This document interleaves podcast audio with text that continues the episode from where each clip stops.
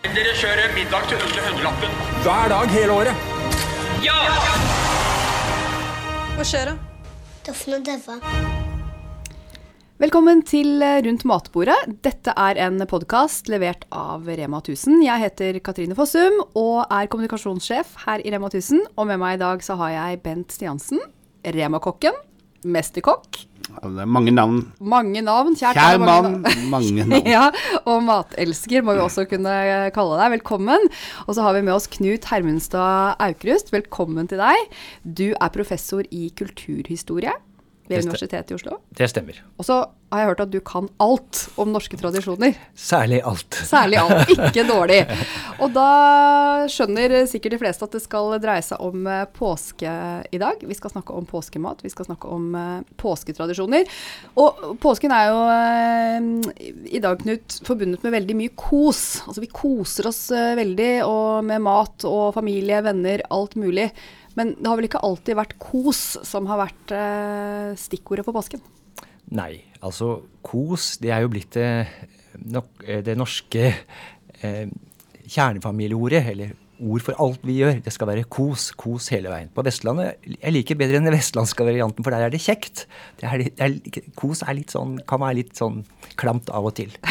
Og særlig i påsken, fordi påsken er jo hvis vi går tilbake i tradisjonen, og egentlig mange steder i dag også, så er ikke det forbundet med kos. I hvert fall ikke før eh, første påskedag. For hele tiden den uken fra, langfred, nei, fra palmesøndag til første påskedag, det er den stille uke. Og da skulle det ikke jobbes, det skulle, man skulle være stille, man skulle egentlig gå gjennom litt smerte og ubehag. Man skulle på langfjad f.eks. ha steiner i skoene hvis man beveget seg på tunet. Og man skulle eh, Vet du hva? Ja, Dette sånne- vet jeg mye om. For jeg er født og oppvokst i en katolsk kirke, nei, ja, både kirke og familie, i Arendal. Eh, slekta mi var katolikker. Jeg er ikke katolikk lenge, for jeg ville ha det godt, og ikke lidelse. Men altså, min lidelse, den startet når fasten starta. 40 dager før påske. Eh, Ja, det er helt ille. Fordi at da måtte alt godteriet jeg fikk av mine besteforeldre, som var protestanter, eller av venner eller sånt noe, plasseres i et glass Oh, ja. med skrukork. På kjøkkenet, godt synlig. Og jeg har en tvillingbror, og han var ekspert til å fylle opp dette glasset sitt. Altså, det, det, Han tok ikke en ting, fordi at hvis han tok noe, så syndet man, og da måtte man gå og skrifte. Mens jeg er småspist av det glasset mitt hele tiden, og hele poenget er at man skal spare godteri, fristelse, til første påskedag, og da skal man fråtse i, i godteriet sitt som barn. Jeg klarte jo aldri det. Ja, hvordan var det for deg da? I, i det var 40 dager med lidelse. 40 dager med sukkerbehov og sukker... Nei. Og, og, det, og det er ganske interessant, altså. Hvordan eh, vi gjennom religionen har blitt pålagt skyld. Skyldfølelse. Men vi kan jo også si at den katolske tradisjonen har også en kombinasjon av dette med eh, fest og, og lidelse. For ikke sant, hva er det som innleder fasten? Jo, det er karnevalet. Som jo da er veldig unorsk. Det å ha parader, spise, feste, drikke og døgnet rundt og være glade. Fordi man da sier eh, farvel til kjøttet. Så karneval betyr egentlig å ta avskjed med kjøttspisingen. Ja, ja. Karne er kjøtt. Ja, ja. Sånn at eh, Ja, fastelavn, altså ja. fastelavnsboller, det, de er jo fulle av smør og, og sukker og annet godt. Og så og så er det Mardi Gras, som er Mm. den fete tirsdagen. Altså man, man reiser til New Orleans og har karneval der, og det er jo Mardi da Det kommer fra fransk. Mardi er tirsdag, og gras er fett. ja, Fete tirsdag, som heter på norsk. Ja, og eh, Så eh, ja, men eh, Jo, jeg håper ikke så mange barn blir utsatt for den sukkertorturen jeg blir utsatt for. Nei. Nei, ikke sant. Kultur handler om For en som sier at han vet alt om kultur, det handler om kombinasjoner, fleksibilitet og mangfold. At man skik eh, skikkene beveger seg over kontinenter og over tid, og så lager man en sånn miks av det hele veien.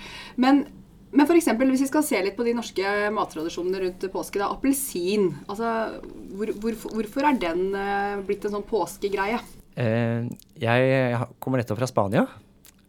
Eh, appelsinens hjemland i Europa, kunne vi si. I hvert fall den moderne appelsinindustrien. Appelsin er jo noe som, som mange av disse eksotiske fruktene er, de kommer fra Asia og, og, og Midtøsten. via muslimene til Spania. Da var appelsin egentlig noe som var til pynt. Det var eh, i hagene som omgir seg med vakre trær. Det var sure appelsiner. Det er først egentlig den moderne appelsinproduksjonen, slik den framstår i Spania, begynner på 1700-tallet. De søte appelsinene fra Valencia. Og det var så sjeldent at hver gang disse kom til Norge med båter fra Spania på 18- og begynnelsen av 1900-tallet, så var det fest, og det var jubel, og det var en, et særkjenne å få dette her. Det var faktisk nordmenn som eh, emigrerte til Spania på begynnelsen av 1900-tallet og slo seg ned og ble eksportører av appelsiner. Valencia Late het det da. De sene Valencia-appelsinene som kom til Norge, og som var en stor suksess. Og så har det jo med det at appelsiner den gangen var sesongvare. Og det var modne eh, nå. Mars, april, beste månedene. Eh, og eh, søte, fulle Det var da de skulle spises. Og, så det var en sesongvare. Det var jo ikke kjøling som man kunne ha hele året. Det er noe spesielt med de der vinterappelsinene som er søtere, mer fylde, mer delikate. Og det har nok noe med at eh, vi tenker at eh, appelsiner hører til i varme strøk, og det gjør de jo. Men de må ha litt kulde for å få den siste eh, sødmen. Og få den, eh, den gjenkjennelige fargen på, på skallet. Som da kommer, i, særlig i Yps i Valencia-området, sånn på, på vinterstid, altså høst og i desember-januar, som får altså disse vårappelsinene som, som kommer til Norge. De tar jo litt tid å komme. Og så er det en annen ting som var veldig viktig for det norske kostholdet. C-vitaminer. Eh, på våren så var da appelsiner noe av det viktigste man kunne få i seg, fordi at vi var tomme for C-vitaminer gjennom potetene, grønnsakene våre. Det var jo ikke mye fest eh, under, under det snødekte Norge, så når det kunne komme fremmede arter som virkelig var gode for helsa vår, så, så gjorde de oss friske. Sånn appelsin sammen med tran, da holdt vi oss friske utover våren. Appelsinen er vel en av de få tingene i tursjekken min eh, i løpet av påsken som jeg får god samvittighet av å spise også. For det er jo en del andre saker som vi elsker eh, å spise mye av i påsken. F.eks. Kvikk Lunsj, altså sjokolade, skal alltid være med på tur. Hvorfor, eh, hvorfor det egentlig? Du, du har brukt opp en del av karbohydratlageret når du går en to-tre mil på ski. Og da må du Hvor og flink sånn du er, jeg går ikke så langt i påsken. Nei, nei, nei, da må du bli med meg på tur. Ja, jeg skjønner det. Jeg får kaste meg med. Ja, jeg går bare løper etter broren min, som helst går fem mil, da. Eh, men, eh, men det er jo det. Eh, Du får et quick fix med energi. Og Kvikk Lunsj Kvikk Lunsj ligger i, i navnet. Det er nok Burde jo helt i dag ha kaltes usunn lunsj, men men den kommer jo, det er en kopisjokolade fra KitKat i England. Så Freya lagde jo Kvikk Lunsj og fikk mye trøbbel med, med engelskmennene pga. at de mente det ble kopiert. Det er jo ikke science fiction å lage noen kjeksbiter med sjokolade imellom. Men, men den hører hjemme i den norske kulturen. Ja. Og det er, det syns jeg er veldig interessant det du sier. Altså Det hører hjemme i den norske kulturen. Og hva er det vi har da? Jo, vi har spanske appelsiner. Altså vi har en engelsk eh, kjeksoppskrift. Og så har vi den norske snøen. Og norsk snø og folk på ski, nordmenn på ski, det er norsk markevare merkevare som begynte sånn med Nansen og Amundsen. Og, og, og, og det syns jeg er egentlig utrolig fascinerende. Vi tror dette er typisk norsk, og så er det en kombinasjon av veldig fremmede og ikke-norske tradisjoner. Det ene unntaket er snøen, som vi da fortsatt har. Kanskje noen, en generasjon til, vi får se. Det er litt spennende. Men er om, og litt, vi er litt utsatte. Men Det det, jo- men det med å gå på tur, sånn som vi driver med Altså Vi skal jo på tur alltid, med sekk og nist og sånn. Altså Er det typisk norsk? Det Ja. tror jeg er veldig norsk, for jeg bor jo også i Danmark. eh, Og har familie der. Og, og, og der er det ikke typisk dansk å gå på tur. Men de trener en del, gjør de. Eh, Men, men det er ikke sånn at ut på søndag så er vi på Jeg vokste opp med det. Eh, Både på ski og gå på bena. At hver søndag så skulle man ut. altså Det var ikke snakk om noe annet. Men i Danmark så er kulturen helt annerledes. Så kanskje det med å tyne kroppen litt Litt lidelse. Kanskje det er den lille resten av Det det lidelsen vi har igjen der. I, i påsken å gå lange turer og utfordre kroppen og man skal lide. Sant? Når du skal komme til hytta, så skal du fortjene å ha et godt måltid mat, og det gjør du gjennom litt eh, eh, kroppslig forsakelse og tyning. Så vi er ikke så langt unna faktisk denne selvplagingen som du da eh, hadde i Arendal. li- lidd under. Ja, ja, men eh, skal, man skal lide lite grann. Men det her med et godt måltid, altså mange som eh, samles rundt, eh, rundt matbordet i løpet av påsken. Eh, lam f.eks. er jo noe som vi forbinder med påske i Norge.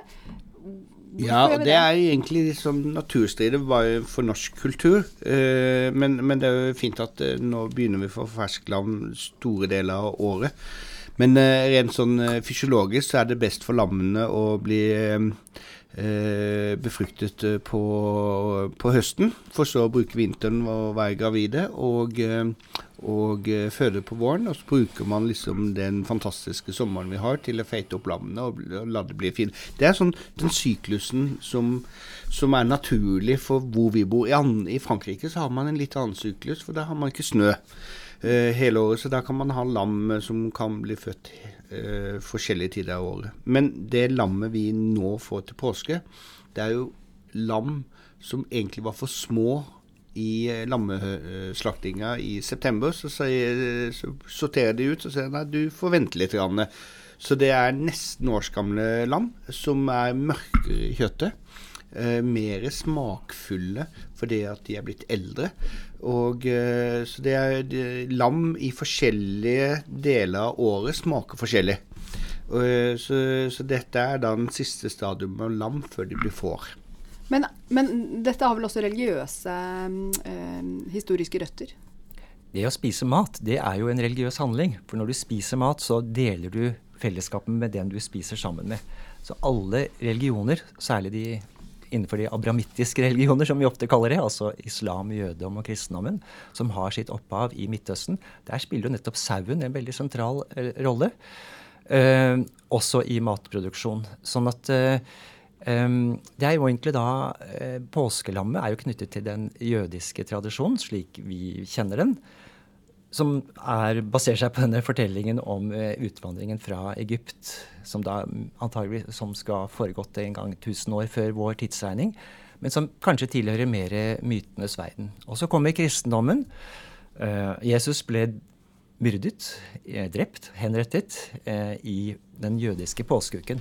Og så gjør da den nye religionen kristendommen det som kristendommen har gjort i, mange, i forhold til mange andre tradisjoner. De kupper den gamle tradisjonen, og så gjør de altså den jødiske påskeuken om til den kristne, eh, kristne feiringen av Jesu død og oppstandelse. Og da følger lammet med på dette. Så dette har vi holdt på med en stund. Ja. Å spise lam til påske. ja. Men hva med egget, da? Hva kom først? Hva kom først? Høna, La- Nei, egget er jo Og det har noe med plasseringen av påsken å gjøre, nemlig i, i, til våren. Altså i, i vårhalvåret.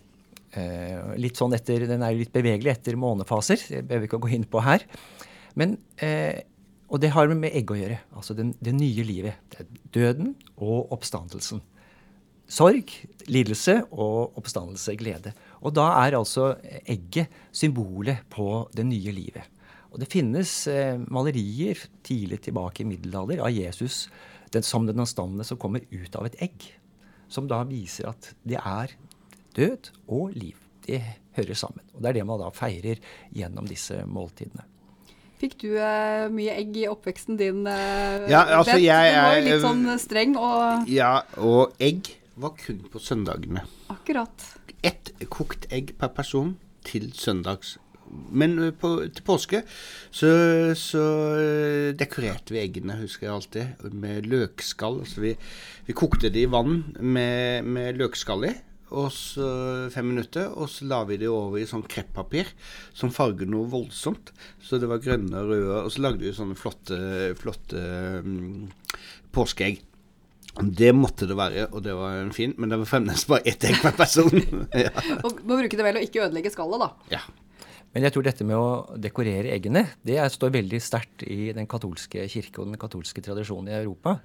Sentral-Europa, også da i Arendal. For det tror jeg er eh, og, og det har vi da tatt etter i det protestantiske nord og i alle butikker i dag, hvor man da har farget det, eller at det er pakket inn i eh, papp, eh, store pappegg eh, i forskjellige farger.